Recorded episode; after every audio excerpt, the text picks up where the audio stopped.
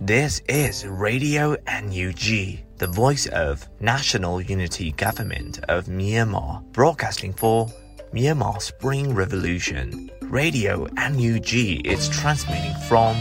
shortwave 16 meter 17.79 megahertz at 8:30 a.m. and 25 meter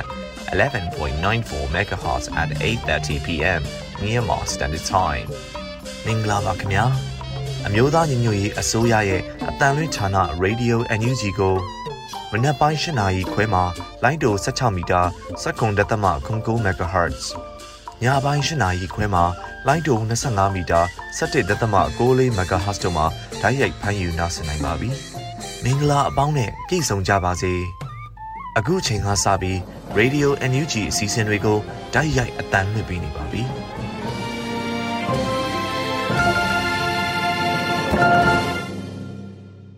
မင်္ဂလာနံနက်ခင်းပါခင်ဗျာရေဒီယို UNG သောတာရှင်ပေါင်းဘေးပရာဝေးကွာလို့ကြက်တရေဖြာဖြာနဲ့ပြည့်စုံကြပါစေ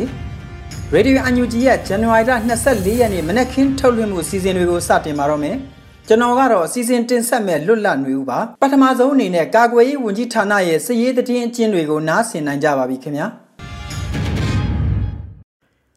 ကာကွယ်ဝင်ကြီးဌာနအမျိုးသားညီညွတ်ရေးအစိုးရမှထုတ်ဝေတဲ့နေ့စဉ်စည်ရေးသတင်းချင်းချုပ်ကိုတင်ဆက်ပေးတော့မှာဖြစ်ပါတယ်။စစ်ကောင်စီနဲ့တိုက်ပွဲဖြစ်ပွားမှုသတင်းတွေကိုတင်ဆက်ပေးကြပါမယ်။ကီယနီကရားပြည်နယ်မှာဇန်နဝါရီလ22ရက်နေ့ကလွိုက်ကော်မြို့နယ်မုံပြကန်နီးမှာထိုးစစ်ဆင်လာတဲ့စစ်ကောင်စီတပ်ကိုပြည်သူ့ကာကွယ်တပ်ဒီမော့ဆို DMO PDF အလဲပိုင်းတိုင်းလွိုက်ကော် PDF KNDF KA တပ်ဖွဲ့တို့ပူးပေါင်းတိုက်ခိုက်ခဲ့ရာ9နာရီကြာတိုက်ပွဲဖြစ်ပွားခဲ့ပြီးစစ်ကောင်စီတပ်သားများထိခိုက်ကြဆုံးမှုများပြားခဲ့ပါတယ်။တိုက်ပွဲတွင်စစ်ကောင်စီတပ်မှပြည်သူပိုင်နေတလုံးကိုမိရှုဖျက်ဆီးခဲ့ကြောင်းသိရှိရပါတယ်ခင်ဗျာ။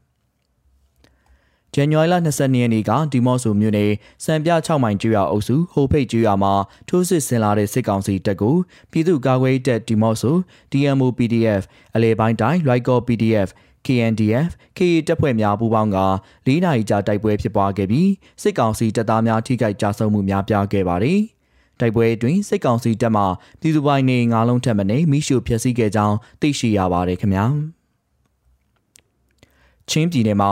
ဇန်နဝါရီလ22ရက်နေ့မနက်၈နာရီခန့်ကဟိန်စင်ရွာမှာပိတ်မိနေတဲ့စစ်ကောင်စီတပ်များကိုစစ်ကူရန်ဆင်းလာတဲ့စစ်ကောင်စီစစ်ကူတရာကျော်နဲ့ပြည်သူ့ကာကွယ်ပူးပေါင်းတပ်များ CNE, CDM စီရင် PDF Solan, ကလေး PDF PDA, Zogan Army, CDF KKG2 တို့တိုက်ပွဲပြင်းထန်ခဲ့ပြီးစစ်ကောင်စီဘက်မှအဝေးပြေးလက်နက်များရဟတ်ယာဉ်များနဲ့တိုက်ခိုက်ခဲ့ပြီးစစ်ကောင်စီတပ်သား40ကျော်တိုက်ဆုံခဲ့ကညနေ9:00နာရီချိန်မှာလူရင်အားလက်နက်အင်အားမမျှတဲ့အတွက်ကြောင့်ပြည်သူ့ကာကွယ်ရေးတပ်များတိုင်းငင်ရွာသို့ဆွန့်ခွာခဲ့ရကြောင်းသိရှိရပါတယ်ခင်ဗျာ။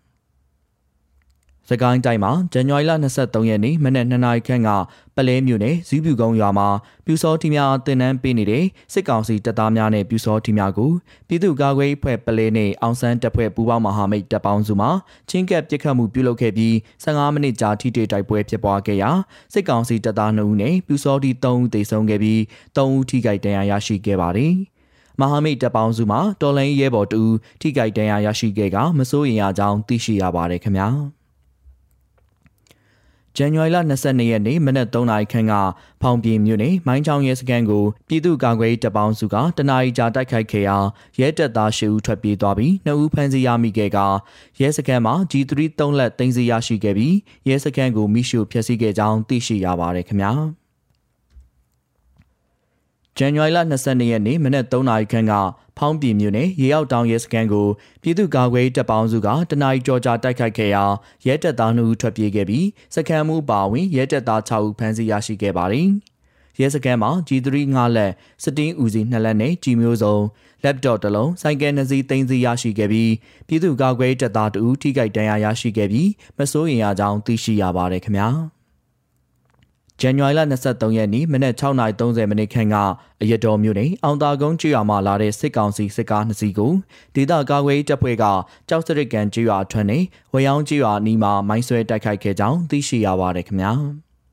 ။ပဲခူးတိုင်းမှာဇန်နဝါရီလ22ရက်နေ့ကနတလင်းမြို့နယ်တာဘုံမြို့အရှိတောင်ဘက်ရှိရေကြီးရွာမှာစစ်ကောင်စီတပ်များစခန်းချနေသည်ကိုဒေသကာကွယ်တပ်များကပြစ်ခတ်တိုက်ခိုက်ခဲ့ခြင်းကြောင့် အပြန်အလှန်ပြစ်ခတ်မှုများဖြစ်ပွားခဲ့ပြီးစစ်ကောင်စီဘက်မှထိခိုက်ဒဏ်ရာရရှိနိုင်ကြောင်းသိရှိရပါတယ်ခင်ဗျာ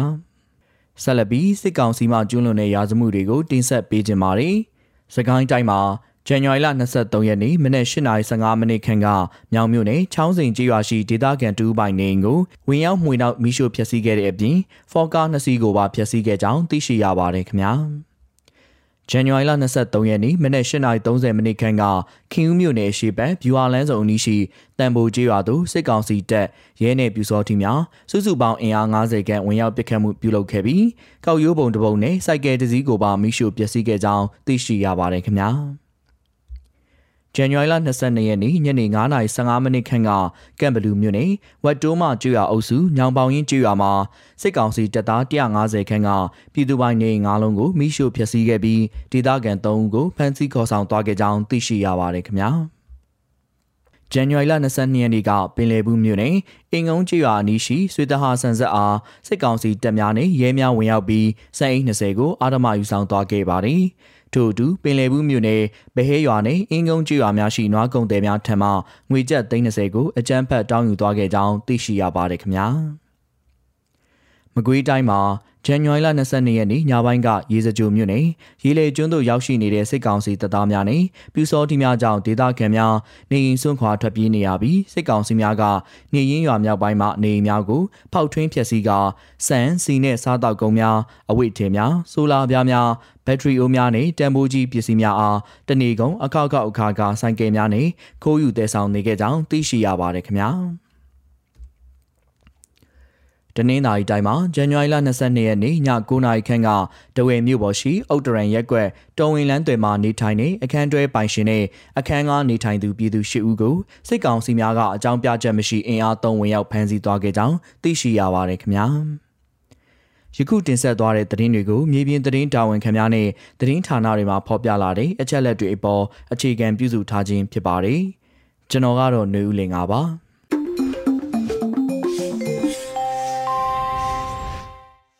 ဆက်လက်ပြီး Radio UNG ရဲ့နောက်ဆုံးရသတင်းတွေကိုတော့ຫນွေဦးမုံကဖတ်ကြားတင်ပြပေးမှာဖြစ်ပါတယ်ခင်ဗျာမင်္ဂလာပါရှင်မနက်ခင်းပြည်ရင်းသတင်းများကိုတင်ဆက်ပေးသွားမှာပဲဖြစ်ပါတယ်ခုတင်ဆက်မဲ့သတင်းတွေကိုတော့ Radio UNG သတင်းတာဝန်ခံတွေနဲ့ခိုင်လုံတဲ့မိဘသတင်းရင်းမြစ်တွေကအခြေခံတင်ပြထားတာပဲဖြစ်ပါတယ်ရှင်ကျွန်မຫນွေဦးမုံပါ ကျန်းဖတ်စစ်ကောင်စီဟာထိုင်းနိုင်ငံရောက်ရွှေပြောင်းမြန်မာလူသမားများအပေါ်တပ်သေးကန်လက်မှတ် CI လုပ်ငန်းစဉ်နဲ့ကိုကျိုးရှာကောင်းမှုဖြစ်နေတဲ့သတင်းတပုတ်ကိုတင်ပြပေးပါမယ်။ထိုင်းနိုင်ငံရောက်မြမအလုပ်သမားများပုံမှုခက်ခဲကြတဲ့အောင်ခေါင်းပုံဖြတ်ခွင့်ဖန်တီးပေးနေတဲ့အကျန်းဖတ်စစ်အုပ်စုရဲ့မြည်သူမျိုးဝါဖြစ်ကြောင်းတပ်သေးကန်လက်မှတ် Certificate of Identity CI တက်တန်းတိုးထုတ်ပေးခြင်းလုပ်ငန်းစဉ်နဲ့ရင်းလုပ်ငန်းစဉ်အကောင့်ထဲပေါ်မှုမှာပူးပေါင်းဆောင်ရွက်နေတဲ့အဖွဲ့အစည်းကုမ္ပဏီနဲ့အေဂျင်စီတို့ကို မြို့သားညီညွတ်ရေးအစိုးရအလုပ်သမားဝန်ကြီးဌာနကပြင်းထန်စွာရှုံချကြောင်းဖော်ပြပါကြေညာချက်မှာမြို့သားညီညွတ်ရေးအစိုးရလုံသမားဝန်ကြီးဌာနကြေညာချက်အမှတ်စဉ်နှစ်မြင်းဆောင်2022တဲ့အကျန်းဖတ်စစ်ကောင်စီသည် COVID-19 ရောဂါကူးစက်မှုအလွယ်တကူဖြစ်ပေါ်စေနိုင်သည့်လူစုလူဝေးဖြစ်ပေါ်မှုကိုရှောင်ရှားရန်နှင့်စီးပွားရေးကျန်းမာရေးလူမှုရေးအခက်အခဲများနှင့်ရင်ဆိုင်နေရသည့်မြမအလုပ်သမားများအတွက်ကုန်ကြစရိတ်သက်သာစေရန် ပုံမိုတင်လျော်သောနီလန်ကိုမစင်စားဘဲ၎င်းတို့၏အကျိုးစီးပွားအတွက်လုံသမားများ၏ချွေးနှဲစာကိုခေါင်းပုံဖြတ်နိုင်မည်မြည်သူမြေဝါဖြစ်ကြောင်းတသေးကန်လက်မှတ် Certificate of Identity CI တက်တန်းတိုးပေးခြင်းနီလန်ကိုအသုံးချလျက်ရှိကြောင်းသိရသည်နှစ်လုံသမားများအနေဖြင့်ရင်းလုပ်ငန်းစဉ်အတွက်ပွဲစားများဖြင့်ဆောင်ရွက်ခြင်းမပြုဘဲမိမိအစီအစဉ်ဖြင့်သာဆောင်ရွက်ရန်အကြံဖတ်စစ်အုပ်စုမှကြေညာထားတော်လဲ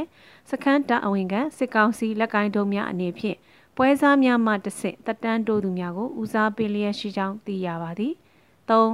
ကျန်းဖတ်စစ်အုပ်စုမှကြီးညာထားသည့် CI တက်တန်းတိုးလုပ်ငန်းစဉ်တွင် Counter Service Company Limited နှင့်ချိတ်ဆက်ထားသော 7-Eleven ဆိုင်များတွင်ဘတ်330ပေးသွင်းရငွေသွင်းပြေစာတွင်ဖော်ပြထားသောနေ့ရက်အတိုင်း CI ထုတ်ပေးရေးစခန်းများသို့တွားရောက်ကာတက်တန်းတိုးဆက်လက်ဆောင်ရွက်ရမည်ဟုဖော်ပြထားသောလဲပွဲစားများသည် အမှန်တကယ်ကုန်ကြငွေထက်အစားပေါင်းများစွာပုံမကောက်ခံနေသည့်အပြင်စခန်းတာဝန်ခံများအနေဖြင့်လည်းငွေသွင်းပြေစားပါသတ်မှတ်ရအတိုင်းဆောင်ရွက်ခြင်းမရှိဘဲ service provider ပေါင်း၍ကိုယ်တိုင်လာသည့်အလုပ်သမားများအပေါ်တန်းစီကြီး QJ ဖြစ်ဗတ်ရှိယာထပ်မံကောက်ခံ၍လူသမားများရဲ့ချွေးနေစာကိုကောင်းမွန်ဖြတ်မှုအားအကျန်းဖတ်အုပ်စုအနေဖြင့်မျက်ကွယ်ပြုလျက်ရှိနေပါသည် CI စခန်းများတွင်တာဝန်ယူထားသည့်အကြမ်းဖက်စစ်ကောင်စီတာဝန်ရှိသူများကလည်း CI တတန်းတို့လာရောက်လျှောက်ထားသည့်ရွှေပြောင်းလူသမားများအားချိန်ချမှုများပြုလုပ်နေကြောင်းကြားသိရပါသည်။၄မိမိတို့မြို့သားညီညွတ်ရေးအစိုးရအလို့သမားဝင်ကြီးဌာနအနေဖြင့်ထိုင်းနိုင်ငံရောက်မြန်မာအလို့သမားများပုံမချက်တဲရန်ကောင်းမွန်ဖြတ်ခွင့်ဖန်တီးပေးနေသည့်အကြမ်းဖက်အုပ်စု၏တပ်သေးကန်လက်မှတ် CI တတန်းထုတ်ပေးခြင်းလုပ်ငန်းစဉ်နှင့် အကောင့်ထဲဖော်မှုတွင်ပူးပေါင်းနေသည့်အဖွဲ့အစည်းကုမ္ပဏီနှင့်အေဂျင်စီတို့အားပြင်းထန်စွာရှုံချကြောင်းကြေညာအပ်ပါသည်ဟုရေးသားဖော်ပြပါရှိပါတယ်ရှင်။ဘင်းစတက်အဖွဲ့ထိပ်သည့်အစည်းအဝေးမှာအာနာသိန်းစစ်အုပ်စုကတက်ရောက်မဲ့အန်ရီယတစ်ခုရှိနေတဲ့အကြောင်းသတင်းတစ်ပုဒ်ကိုဆက်လက်တင်ဆက်ပေးပါမယ်။အိန္ဒိယ၊နီပေါ၊ဘူတန်၊ဘင်္ဂလားဒေ့ရှ်၊မြန်မာ၊ထိုင်းနဲ့သီရိလင်္ကာနိုင်ငံတို့အဖွဲ့ဝင်အဖြစ်ပါဝင်တဲ့ဒေသတွင်းပူးပေါင်းဆောင်ရွက်ရေးအဖွဲ့ဘင်းစတက်ဟာ သီရိလင်္ကာနိုင်ငံကအင်ရှင်အဖြစ်လက်ခံကျင်းပမဲ့၅ချိန်မြောက်အစည်းအဝေးကိုကျင်းပတော့မှာပဲဖြစ်ပါတယ်။မတ်လ30ရက်နေ့မှာကျင်းပမဲ့ဒီအစည်းအဝေးကအာဏာသိမ်းခံထားရခြင်းပြိပခကြီးမားနေစဉ်အတွင်းမှာပဲမြန်မာနိုင်ငံကိုအစည်းအဝေးတက်ရောက်ဖို့အတည်ပြုပြီးဖြစ်ကြောင်းဘင်္ဂလားဒေ့ရှ်မီဒီယာဖော်ပြချက်အရသိရပါဗျ။အိန္ဒိယနဲ့ဘင်္ဂလားဒေ့ရှ်နိုင်ငံတို့ကလည်းအစည်းအဝေးတက်ရောက်ဖို့အတည်ပြုထားပြီးပါပြီ။ဘင်းစတက်အဖွဲ့အနေနဲ့ ဖေရိုင်လာအာဏာသိမ်းမှုနောက်ပိုင်းတရားမဝင်မြန်မာစစ်ကောင်စီနဲ့ထိတွေ့ဆက်ဆံခဲ့ကြပါတယ်။မကြခင်ကျင်းပဖို့ရှိတဲ့ထိပ်သီးအစည်းအဝေးမှာလည်းဆီယာဇွေးကောင်းမင်းအွန်လိုင်းအနေနဲ့မြန်မာနိုင်ငံကိုကိုစားပြုပြီးသွားတက်ရောက်မဲ့အနေအကြီးတရက်ရှိနေကြောင်း Justice for Myanmar အဖွဲ့ကြီးကရေးသားလိုက်ပါတယ်။ရွေးကောက်ခံလွှတ်တော်အမတ်များကိုဖမ်းဆီးနှိပ်စက်နေပြီးနိုင်ငံကောင်းဆောင်များကိုနှစ်ရှည်ထောင်ဒဏ်တွေချမှတ်နေတဲ့အပြင်မြန်မာနိုင်ငံတဝက်လုံးမှာလည်းအကြမ်းဖက်ဆီယာစုမှုတွေကိုမင်းအောင်လှိုင်ဦးဆောင်တဲ့စစ်တပ်ကကျူးလွန်လျက်ရှိနေပါတယ်။ ကမ္ဘာကုလသမဂ္ဂအဖွဲ့ကတရားဝင်အသိမှတ်ပြုခြင်းမရှိဘဲစစ်ကောင်စီဘက်ကတန်တမန်သစ်ခန့်အပ်ဖို့ကိစ္စကိုလည်းကုလသမဂ္ဂကညှင်းဆိုထားပါတယ်။ဒါအပြင်အာဆီယံထိပ်သီးအစည်းအဝေးများမှာမင်းအောင်လှိုင်ကိုတက်ရောက်ခွင့်ပိတ်ပင်ခဲ့သည့်အထိအာဆီယံလိုအဖွဲ့အစည်းကပိတ်ဆို့တန်းခတ်ထားတဲ့ကြောင့်ဘင်းစတက်အဖွဲ့ရဲ့စီအုပ်စုပေါ်ဆက်ဆံနေမှုဟာစိတ်ပြက်ဖွယ်ရာဖြစ်ပြီးလူအခွင့်အရေးနဲ့ဒီမိုကရေစီအရေးပေါ်လှစ်လူရှုခြင်းဖြစ်ကြောင်း Justice for Myanmar ကထုတ်ဖော်ရေးသားလိုက်ပါတယ်။ ဘင်းစတက်ထိပ်သီးအစည်းအဝေးမှာအဲ့ဒီအစုအဖွဲ့ရဲ့ဗရင်းညင်းကိုအတီးပြုဖို့ရှိပြီးဤပညာလွှဲပြောင်းပေးအပ်တာဥရေရေးရာအထောက်အကူပေးအပ်တာတွေနဲ့တန်တမန်ရေးရာတင်နန်းကိစ္စရပ်တွေမှာသဘောတူညီမှုတွေချမှတ်မှာဖြစ်တဲ့အတွက်အရေးပါတဲ့အစည်းအဝေးတရက်ဖြစ်နိုင်ကြောင်းလည်းသိရှိရပါတယ်။2021ခုနှစ်ဇွန်လမှာ Vinstat စီမံအုပ်ချုပ်ရေးယုံက Vinstat နေ့အတွက်ခေါင်းဆောင်တွေရဲ့သတင်းစကားများကိုထုတ်ပြန်ခဲ့ရမှာလဲကျန်းဖက်ခေါင်းဆောင်မင်းအောင်လှိုင်လည်းပါဝင်ခဲ့ပြီးလေးစားအပ်ပါတော့မြန်မာနိုင်ငံ နိုင်ငံတော်စီမံအုပ်ချုပ်ရေးကောင်စီဥက္ကဋ္ဌနိုင်ငံတော်ဝန်ကြီးချုပ်လို့ရည်ညွှန်းဖော်ပြခဲ့ကြောင်းသိရပါတယ်။ပြီးခဲ့တဲ့ဒီဇင်ဘာလအတွင်းမှာအာနာသိန်းစစ်ကောင်စီတပ်များပူးပေါင်းပါဝင်ခဲ့တဲ့ Binstat စစ်ရေးလေ့ကျင့်မှုတွေကိုအိန္ဒိယနိုင်ငံကလက်ခံကျင်းပခဲ့ပါသေးတယ်။တရားမဝင်စစ်ကောင်စီကမြန်မာနိုင်ငံကိုယ်စားလှယ်အနေနဲ့စီဝေးများစွာကိုလည်းတက်ရောက်ခဲ့ပြီးစိုက်ပျိုးရေးကဏ္ဍဆိုင်ရာ Binstat ပူးပေါင်းဆောင်ရွက်ရေးကိုဦးဆောင်ခဲ့ပါတယ်။အာနာသိန်းစစ်အုပ်စုဟာ စီရာဇဝဲမှုနဲ့လူသားမျိုးနွယ်ပေါ်ကျူးလွန်တဲ့ရာဇဝဲမှုတွေကိုအရေးယူပြည်တန်းချမှတ်ခံရခြင်းမရှိဘဲခေတ်အဆက်ဆက်ကျူးလွန်နေတဲ့အကြမ်းဖက်အဖွဲ့အစည်းတရက်သားဖြစ်ပါတယ်။တရားမင်းစစ်ကောင်စီအနေနဲ့ဘင်းစတက်တင်မဟုတ်ပဲအခြားဘယ်ကမ္ဘာဖိုရမ်တွေမှာမှမြန်မာနိုင်ငံကိုကိုစားပြုဖို့လူလူထောက်ခံချက်ရရှိထားတာမရှိပါဘူးဘင်းစတက်ရဲ့ထိတွေ့ဆက်ဆံမှုကစစ်ကောင်စီကိုသူတို့ရဲ့အကြမ်းဖက်စစ်စင်ရေးတွေအရှိန်မြင့်ဆောင်ရွက်ဖို့ရဲစေးတင်ပေးသလိုဖြစ်နေတဲ့အကြောင်းဘင်းစတက်အဖွဲ့ဝင်နိုင်ငံများဟာ ကြမ်းဖက်မြန်မာစစ်ကောင်စီကိုတရားဝင်မှုပေးအပ်နေတာတွေချက်ချင်းရပ်တန့်မှုတောင်းဆိုကြောင်း Justice for Myanmar အဖွဲ့ကအသိပေးထုတ်ပြန်ထားပါတယ်။အာဏာသိမ်းမြန်မာစစ်တပ်ဟာတရားမဝင်အာဏာသိမ်းမှုကိုလက်နက်အားကိုကျူးလွန်ခဲ့ပြီးနိုင်ငံတော်ဝန်ကပြည်သူများရဲ့လက်နက်ကိုင်းတော်လှန်နေမှုများကိုရင်ဆိုင်နေရတာခုဆိုရင်တစ်နှစ်ပြေကနေအချိန်ထိတိုင်းပြည်ကိုထိန်းချုပ်နိုင်ခြင်းမရှိသေးပါဘူးပြည်သူ့ကာကွယ်ရေးတပ်ဖွဲ့များအင်အားကြီးမားတဲ့အချို့ဒေသတွေမှာဆိုရင်လေကြောင်းတိုက်ခိုက်မှုတွေလုပ်နေတဲ့ကြားမှာပဲ နေမြေစိုးမိုးနိုင်ခြင်းမရှိတော့ပါဘူးအာဆီယံဥက္ကဋ္ဌသစ်ဖြစ်လာတဲ့ဟွန်ဆင်ရဲ့ဦးဆောင်မှုနဲ့အာဆီယံနိုင်ငံသားရေးဝန်ကြီးများအစည်းအဝေးဆိုရင်လည်းစစ်ကောင်စီလက်အောက်ခံဝင်ကြီးကိုဖိတ်ကြားခဲ့တာကြောင့်အများကလက်မခံမဲ့အစည်းအဝေးပြပြသွားရခဲ့ပါတယ်ရှင်။ NLD ဗဟိုပြန်ကြားရေးအဖွဲ့ဝင်ဦးကြည်တိုးကျမ်းမာရေးကောင်းလျက်ရှိပြီးအမှုနှစ်ခုကိုရင်ဆိုင်နေရပါတယ်။စစ်တပ်ကဥပဒေမဲ့အာဏာသိမ်းမှုကြောင့်ဖေဖော်ဝါရီလကစလို့အမျိုးသားဒီမိုကရေစီအဖွဲ့ဝင်ခေါင်းဆောင်များနဲ့တကွဖွဲ့ဝင်များဟာ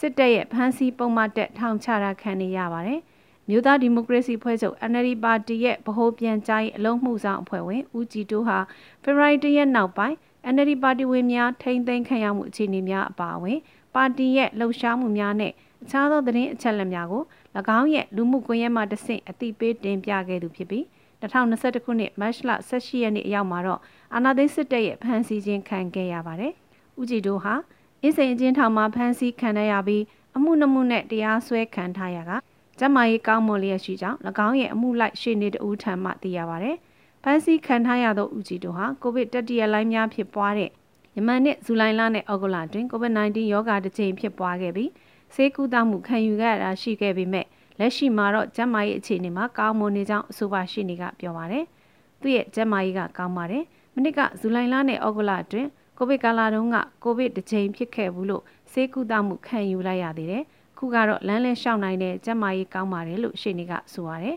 ။ဦးကြည်တို့ဟာ2021ခုနှစ်မတ်လ18ရက်နေ့မှာဖမ်းဆီးခံခဲ့ရပြီးလက်ရှိအင်းစိန်ထောင်အတွင်းမှာ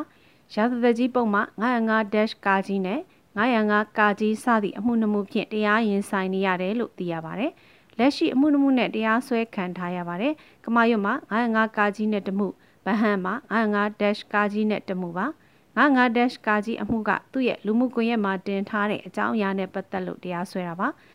95ကာကြီးကတော့ Char Analytics ပေမှာပြည်သူတို့ပန်ကြားချက်ဆိုတဲ့စာနဲ့ပတ်သက်တာပါလို့ရှင်နေကဆက်လက်ပြောပြပါဗျ။ထိုအမှုနှမှုနဲ့ပတ်သက်ပြီးတရားလိုနဲ့တရားလိုပြသက်သေများကိုစစ်ဆေးခဲ့ပြီးဖြစ်ပြီးလာမယ့်ဇန်နဝါရီလ28ရက်နေ့နဲ့30ရက်နေ့များမှာဆွဲချက်တင်သင့်မတင်သင့်ရှောက်လဲချက်ပေးရမယ်လို့သိရပါတယ်။ 2021ဖေဖော်ဝါရီလရက်မှ2021ဒီဇင်ဘာ30ရက်အထိ17လအတွင်းဖမ်းဆီးထိန်သိမ်းခံရတဲ့မြို့သားဒီမိုကရေစီအဖွဲ့ချုပ် NLD ပါတီဝင်အရေးအတွက်649ဦးရှိပြီးသေဆုံးခဲ့သူ14ဦးရှိခဲ့ပြီးဖြစ်တယ်လို့ NLD ပါတီကစီရင်ပြုစုသတင်းထုတ်ပြန်ထားပါတယ်။နိုင်ငံတော်ရဲ့အတိုင်းအမြံပုဂ္ဂိုလ်ဒေါအောင်ဆန်းစုကြည်ဦးဆောင်တဲ့မြို့သားဒီမိုကရေစီအဖွဲ့ချုပ်ရဲ့ NLD ခီးရှေအစီအစဉ်မှာပါတီဥက္ကဋ္ဌဖြစ်တဲ့ဒေါအောင်ဆန်းစုကြည်က ဦးကြည်တို့ကိုအမားကန်အညတရရဲဘော်တဦးအနေနဲ့ဂုံပြုတွေးဆောင်ခဲ့ပူပါတယ်။ကိုရောက်တဲ့နေရာမှာတာဝန်ပေးခံရတဲ့အခါစေတနာပါပါနဲ့တကယ်လို့ပါတကားဆောင်မဲ့လို့ရလို့ရပေါ်လို့ဦးကြည်တို့ကပြောကြားခဲ့သလို NLD ပါတီရဲ့32နှစ်တာကာလခီးကျန်းထဲမှာကိုကြည်တူတို့လိုပါတီရဲ့စီးရဲတံကောအာဏာရဒဏ်တွေကိုပါကြက်ညံ့ခံတဲ့ပါတီဝင်တွေကိုအမရီအဖြစ်တွေ့ရပြီးကျေးဇူးတင်ပါကြောင်းပြောကြားခဲ့ပူပါတယ်ရှင်။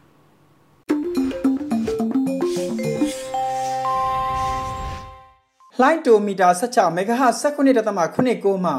ရေဒီယို UNG ရဲ့မနက်ခင်းသတင်းများကိုထုတ်လွှင့်ပေးနေတာဖြစ်ပါတယ်။အာနာရှင်စနစ်အမြင့်ဖြုတ်မဲ့ပြည်သူခုခံတော်လန်စစ်သတင်းများကိုကျော်ຫນွေဦးကဖတ်ကြားပေးပါဦးမယ်ခင်ဗျာ။ထမဆုံးအနေနဲ့တီးတိမ်မြို့နယ်မှာ10ရက်အတွင်းတိုက်ပွဲများမှာစစ်ကောင်စီဘက်မှ80ကျော်တေဆုံးပြီးဒေသကာကွယ်မဟာမိတ်အဖွဲ့ဘက်မှ3ဦးကြာဆုံးတဲ့တဲ့ရင်ကိုတင်ဆက်ပါမယ်။ချင်းပြည်နယ်တီးတိမ်မြို့နယ်မှာ ဇန်နဝါရီလ23ရက်နေ့မှ22ရက်နေ့အထိ10ရက်အတွင်းတိုက်ပွဲများမှာစစ်ကောင်စီတပ်ဖက်မှ82ဦးတေဆုံးကဒေသကာကွယ်မဟာမိတ်တပ်ဖွဲ့များဘက်မှ3ဦးကြာဆုံးကြောင်း CDF ကလေးကဘော်ဂန်ကောအဖွဲ့ကထုတ်ပြန်ပါတယ်။အကြမ်းဖက်စစ်ကောင်စီတပ်ရဲ့အင်အားတရာခန့်ပါဝင်သောတပ်ဖွဲ့ဟာကလေးမျိုးမှတဆင့်တီးတိမ်မြို့နယ်အတွင်းရှိဒေသကာကွယ်တပ်ဖွဲ့များ၏စခန်းများကို ထိုးစစ်ဆင်ရန်ခြိတက်လာစဉ်မှာကာကွယ်မဟာမိတ်အဖွဲ့များကဝိုင်းဝန်းတိုက်ခိုက်ခဲ့ပြီးကလေးတီးတိမ်ဖလန်းလန်းဆောင်ရှိတိုင်းငင်းရွာနဲ့ရန်စိန်ရွာကြားမှာ10ရက်ကြာတိုက်ပွဲများဖြစ်ပွားခဲ့ခြင်းမှာစစ်ကောင်စီတပ်ဖွဲ့ကို CDM စီရင် PDF ဇိုလန် CNA ချင်းမျိုးသားတပ်ဦး CDF KKG ကလေးကဘော်ဂံကော PDF ကလေးဇိုဂမ်အာမီ PDA CNDF ဇိုမီ PDF တို့ကပူးပေါင်းကခုခံတိုက်ခိုက်ခဲ့ပြီး ဇန်နဝါရီလ23ရက်မှစတင်ကတိုက်ပွဲများဖြစ်ပွားခဲ့ပါတယ်။ဇန်နဝါရီလ12ရက်နေ့မှာစစ်ကောင်စီတပ်ဖွဲ့ဟာခီးသွွားပြည်သူများကိုတစားကန်ပြုတ်လုကထွက်ခွာလာကြောင်း73ရက်နေ့မှာရန်စင်ရွာအနီး၌တိုက်ပွဲဖြစ်ပွားခဲ့ကစစ်သား9ဦးသေဆုံးကြောင်းစစ်ကောင်စီတပ်ဖွဲ့ဟာနိုင်ငံတော်ပိုင်ကော်ဖီချန်ရှိရှိဝန်ထမ်းနေအိမ်များနှင့်ဂိုဒေါင်တစ်လုံးကိုမီးရှို့ဖျက်ဆီးခဲ့ကြောင်းသိရှိရပါတယ်။ဇန်နဝါရီလ14ရက်နေ့မှာလဲရန်စင်ရွာအနီးတိုက်ပွဲထပ်ဖြစ်ပြီး စစ်သားတအုပ်တေဆုံးကစစ်ကောင်စီကဒေသခံအပြစ်မဲ့ပြည်သူတအုပ်ကိုတပ်ဖြတ်ခဲ့ကြောင်းဇန်နဝါရီလ15ရက်မှာတိုက်ပွဲပြင်းထန်ပြီးချင်းပြည်နယ်စကိုင်းတိုင်းအဆက်ရှိခိုင်ကန်းမြို့ကလေးတက္ကသိုလ်မှာတက်ဆွဲထားတဲ့စစ်ကောင်စီတပ်ကလက်နက်ကြီးများဖြင့်အဆက်မပြတ်ပစ်ခတ်ခဲ့တယ်လို့လေကြောင်းမှတဆင့်ပစ်ခတ်တိုက်ခိုက်မှုကြောင့်တော်လရင်တပ်ဖွဲ့ဝင်6ဦးဒဏ်ရာရကတဦးကြဆုံးခဲ့ပါတယ်။ဇန်နဝါရီလ18ရက်နဲ့18ရက်မှာလည်းရန်စင်ရွာအနီးတိုက်ပွဲများထပ်မံဖြစ်ပွားပြီးစစ်ကောင်စီဘက်မှ12ဦးသေဆုံးခဲ့တယ်လို့ ကာကွယ်ရေးတပ်ဖွဲ့များကဆိုပါတယ်။ကလေးတီးတိမ်ဖလန်းလမ်းသုံးကွဆုံမှာရှိတဲ့တိုင်းငင်းကြေးရွာဘက်သို့အကြမ်းဖက်စစ်ကောင်စီတပ်ဟာသုံးဘက်သုံးရံမှစစ်ကြောင်းများထိုးလာခဲ့ပြီးဖလန်းမှထွက်ခွာလာသောစစ်ကောင်စီတပ်ဖွဲ့မှမဟာမိတ်တပ်ဖွဲ့များ၏ကြားပြတ်တိုက်ခိုက်မှုကြောင့်ရှေ့ဆက်မတိုးနိုင်ဘဲလုံးပန်ရွာ၌ရန်နာခဲ့ရပါတယ်ဇန်နဝါရီလ22ရက်နေ့နက်တနာရီ45မိနစ်မှာရန်စင်ရွာ၌တက်ဆွဲထားတဲ့စစ်ကောင်စီတပ်ဖွဲ့ကိုကာကွယ်တပ်ဖွဲ့များကဝင်ရောက်တိုက်ခိုက်ရာစစ်သား15ဦးသေဆုံးပြီး ပူးပေါင်းတပ်ဖွဲ့ဘက်မှလည်း2ဦးဒဏ်ရာရခဲ့ပါတယ်။ဇန်နဝါရီလ22ရက်နေ့မှာရန်စင်ရွာမှာပိတ်မိနေတဲ့စစ်ကောင်စီတပ်ဖွဲ့ကိုစစ်ကူရန်တိတိမ်မျိုးဘက်မှတဆင့်စစ်ကောင်စီတပ်နဲ့လက်ပါစီဇိုမီတော်လန်ရေးတပ်ဇက်အာအေအင်အားတရာခန့်ထွက်ခွာလာပြီးကလေးတက္ကသိုလ်ဘက်မှလက်နက်ကြီးများပစ်ကူကလေကြောင်းမှလည်းပစ်ခတ်တိုက်ခိုက်မှုကြောင့်တိုက်ပွဲအလွန်ပြင်းထန်ခဲ့ကြောင်းကာကွယ်ရေးတပ်ဖွဲ့များကဆိုပါတယ်။ဇန်နဝါရီလ22ရက်နေ့တိုက်ပွဲမှာစစ်ကောင်စီဘက်မှ40ခန့်ကြာဆုံးခဲ့ကြောင်း စစ်ကောင်စီရဲ့အင်အားအလုံးရင်းဖြင့်ထိုးစစ်ဆင်တိုက်ခိုက်မှုများကြောင့်ဒေသကာကွယ်ရေးမဟာမိတ်တပ်ဖွဲ့များဟာတိုင်းငင်းကြေးရွာအနီးတစ်ဝိုက်မှစုခွာပေးခဲ့ရကြောင်းသတင်းရရှိပါရယ်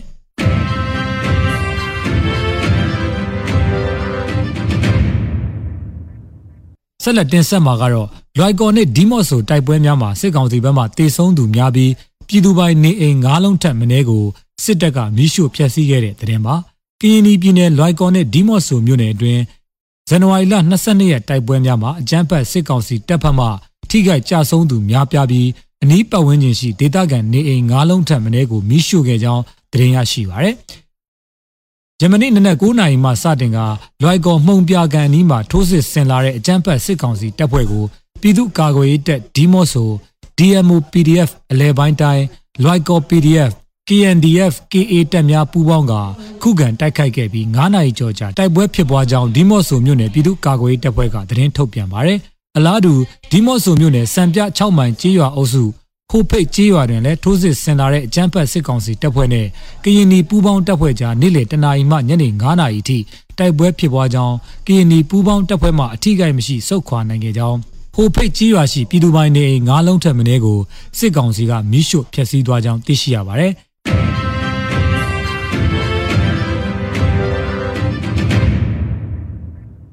နောက်ဆုံးအနေနဲ့အမျိုးသားညီညွတ်ရေးအစိုးရပြည်ထရေးနဲ့လူဝင်မှုကြီးကြပ်ရေးဝန်ကြီးဌာနက2022ခုဇန်နဝါရီလ23ရက်ရက်စွဲနဲ့ထုတ်ပြန်ခဲ့တဲ့ပြည်သူခုခံတော်လှန်စစ်တရင်အချက်လက်တွေကိုတင်ဆက်ပေးသွားမှာပါ။အာနာသိန်းအကြမ်းဖက်စီအိုစုရဲ့ပြည်သူလူထုအပေါ်အကြမ်းဖက်ဖိနှိပ်ဖန်ဆီးတိုက်ခိုက်တပ်ဖြတ်နေမှုများကိုပြည်သူလူထုတရက်လုံးကအသက်ရှင်တန်ရေးအတွက်မိမိကိုယ်ကိုမိမိခုခံကာကွယ်ပိုင်ခွင့်အရာ ပြည်သူခုခံစစ် People's Defensive War ကိုဆင်နွှဲလျက်ရှိပါတယ်။တရင်အချက်လက်များအရ2022ခုနှစ်ဇန်နဝါရီလ22ရက်စနေနေ့မှာစစ်ကောင်စီတပ်ဖွဲ့ဝင်69ဦးသေဆုံးပြီးထိခိုက်ဒဏ်ရာရရှိသူ28ဦးအထိခုခံတိုက်ခိုက်နိုင်ခဲ့ပါတယ်။စစ်အာဏာရှင်စနစ်မြမအမျိုးပေါ်မှာအပြည့်တိုင်ချုပ်ငင်းရေးနဲ့ Federal Democracy တည်ဆောက်ရေးအတွက်ငြိမ်းချမ်းစွာဆန္ဒပြတဲ့လူထုတပိတ်တိုက်ပွဲများကပြည်내နဲ့တိုင်းဒေသကြီးများမှာဆက်လက်ဖြစ်ပွားပေါ်ပေါက်လျက်ရှိပါတယ်။မြေပြင်မှာတော့ ယခုတွေ့ရတဲ့သတင်းအချက်အလက်များထက်ပို၍ဖြစ်ပွားနိုင်ပါတယ်ခင်ဗျာ။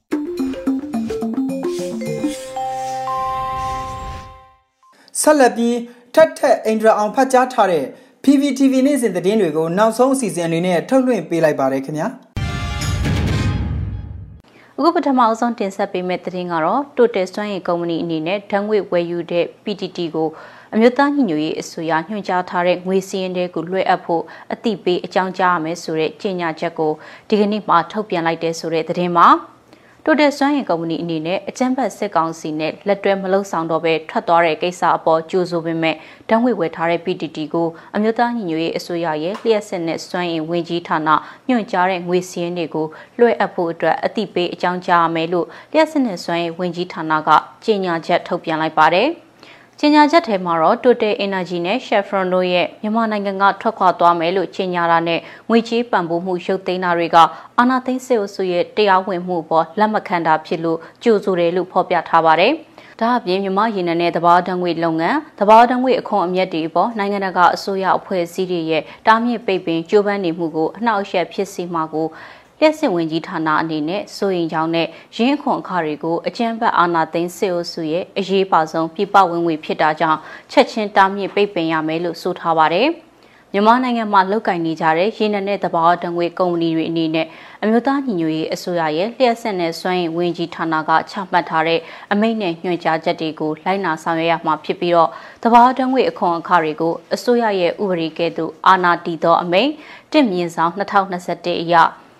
ဒုဝန်ကြီးကညွှန်ကြားထားတဲ့ငွေစင်းတွေကိုသာလွှဲအပ်ပေးပို့ကြမှာဖြစ်တယ်လို့ထုတ်ပြန်ချက်မှာဖော်ပြထားတာကိုတွေ့ရပါတယ်။ကုမ္ပဏီတွေအနေနဲ့ကစစ်အစိုးကထိန်းချုပ်ထားတဲ့ MOGE ငွေစင်းတွေကိုလွှဲအပ်ခွင့်မရှိဘူးလို့ဆိုထားပါတယ်။ဒါဒါ့အပြင် Total Energy နဲ့ Chevron တို့အနေနဲ့မြန်မာနိုင်ငံကမထွက်ခါမီအထိရင်းမိတ်နေတိုင်းလိုက်နာကြဖို့လိုတယ်ဆိုပြီးလဲသတိပေးထားတာကိုတွေ့ရပါတယ်။ အခုဆက်လက်ပြီးတော့ Total Energy နဲ့ Chevron တို့နှုတ်ထွက်သွားတဲ့အပေါ်ဒီမိုကရေစီပြန်လည်ရရှိဖို့လှုပ်ရှားမှုအတွက်ထူးခြားတဲ့တိုးတက်မှုတစ်ခုလို့သွေးစွန်ငွေဖြတ်တောက်ရေးလှုပ်ရှားမှု BMC ကကြေညာချက်ထုတ်ပြန်လိုက်တဲ့ဆိုတဲ့သတင်းကိုတင်ဆက်ပေးပါမယ်။ Total Energy နဲ့ Chevron တို့ကမြန်မာပြည်လုပ်ငန်းတွေကနေနှုတ်ထွက်သွားတဲ့အပေါ်မှာဒီမိုကရေစီပြန်လည်ရရှိဖို့လှုပ်ရှားမှုအတွက်ထူးခြားတဲ့တိုးတက်မှုတစ်ခုလို့မှတ်ယူပြီးတော့ကုမ္ပဏီနှစ်ခုလုံးအနေနဲ့တာဝန်ရှိစွာနဲ့ထွက်ခွာသွားဖို့အထူးလိုအပ်တဲ့ဆိုပြီးသွေးစွန်ဝင်ဖြစ်တောက်ရေးလှုပ်ရှားမှု BMC ကကြေညာချက်ထုတ်ပြန်လိုက်ပါတယ်။ကုမ္ပဏီနှစ်ခုရဲ့ထုတ်ပြန်ကြေညာချက်တွေကစီးပွားရေးကဏ္ဍမှာအဓိကကျတဲ့ခံယူချက်တွေသဘောထားပြောင်းလဲမှုတွေကိုဖော်ပြနေပါတယ်။ အခုဆိုရင် American ပြည်ထောင်စုပြင်သစ်နဲ့ဥရောပသမဂ္ဂတွေကအရင်လိုစင်ကြီးပေးစရာအကြောင်းပြချက်မရှိတော့လို့မြန်မာနိုင်ငံမှာမြန်မာရေနံနဲ့သဘာဝဓာတ်ငွေလုပ်ငန်း MOGE နဲ့ရေနံနဲ့သဘာဝဓာတ်ငွေကရတဲ့အကျိုးအမြတ်တွေပေါ်ပြစ်မှတ်ထားပိတ်ဆို့အရေးယူမှုတွေကိုအဲ့ဒီအစိုးရအဖွဲ့တွေကချမှတ်ပေးဖို့ပဲကြံတော့တယ်လို့ကမ္ဘာလုံးဆိုင်ရာမြန်မာ့ຫນွေဦးတော်လှန်ရေး GMSR နဲ့သွေးစွန်းငွေဖြတ်တောက်ရေးလှုပ်ရှားမှု BMC အင်အားစုကသုံးသပ်ထားပါတယ်။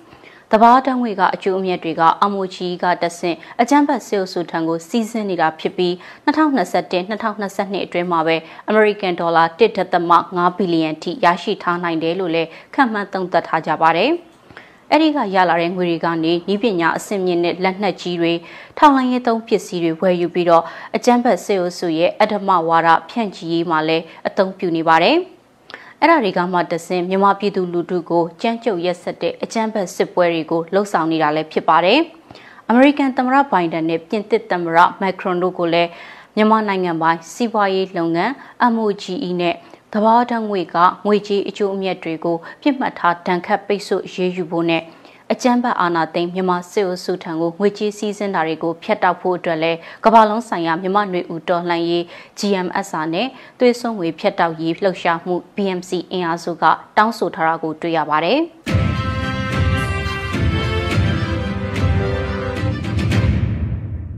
အခုဆက်လက်ပြီးအကြမ်းဖက်စစ်တပ်ကထူးကြီးရွာတွေကရက်ကန်းလုပ်ငန်းတွေကိုအသက်လွတ်ဝင်ရောက်ဖျက်ဆီးခဲ့တဲ့ဆိုတဲ့သတင်းကိုတင်ဆက်ပေးပါမယ်။ အကြမ်းဖက်စစ်တပ်ကစစ်ကြောင်းထိုးနေချိန်မိုင်းဆွဲခံရလို့ဆိုပြီးရွှေဘုံမြို့နယ်ထူကြီးကျေးရွာတွေကိုဝင်ပြီးတော့ဒေသခံတွေရဲ့စီးပွားရေးဖြစ်တဲ့ရက်ကန်းလုပ်ငန်းတွေကိုအတလုတ်ဝင်ရောက်ဖျက်ဆီးခဲ့တယ်လို့ဒေသခံတွေကပြောပါတယ်ရွှေဘုံမြို့အနောက်ဘက်တန်တော်ရွာကိုဇန်နဝါရီ19ရက်ကအကြမ်းဖက်စစ်သား150ခန်းလောက်စစ်ကြောင်းထိုးလာတဲ့အချိန်မိုင်းဆွဲတိုက်ခိုက်ခံရတာဖြစ်ပြီးဒီလိုတိုက်ခိုက်ခံရမှုအပြီးမှာပဲထူကြီးရွာတွေကိုဝင်ပြီးတော့နေအိမ်တွေကိုဖျက်ဆီးရက်ကန်းစင်တွေကိုဖျက်ဆီးမှုတွေလုပ်ခဲ့တာလို့ဆိုပါတယ်။ ထူးကြီးရွာကဒေသခံတအူကတော့စီးပွားရေးတွေဆက်မလဲပတ်နိုင်အောင်ဆက်ရက်ကန်း၅စင် laptop TV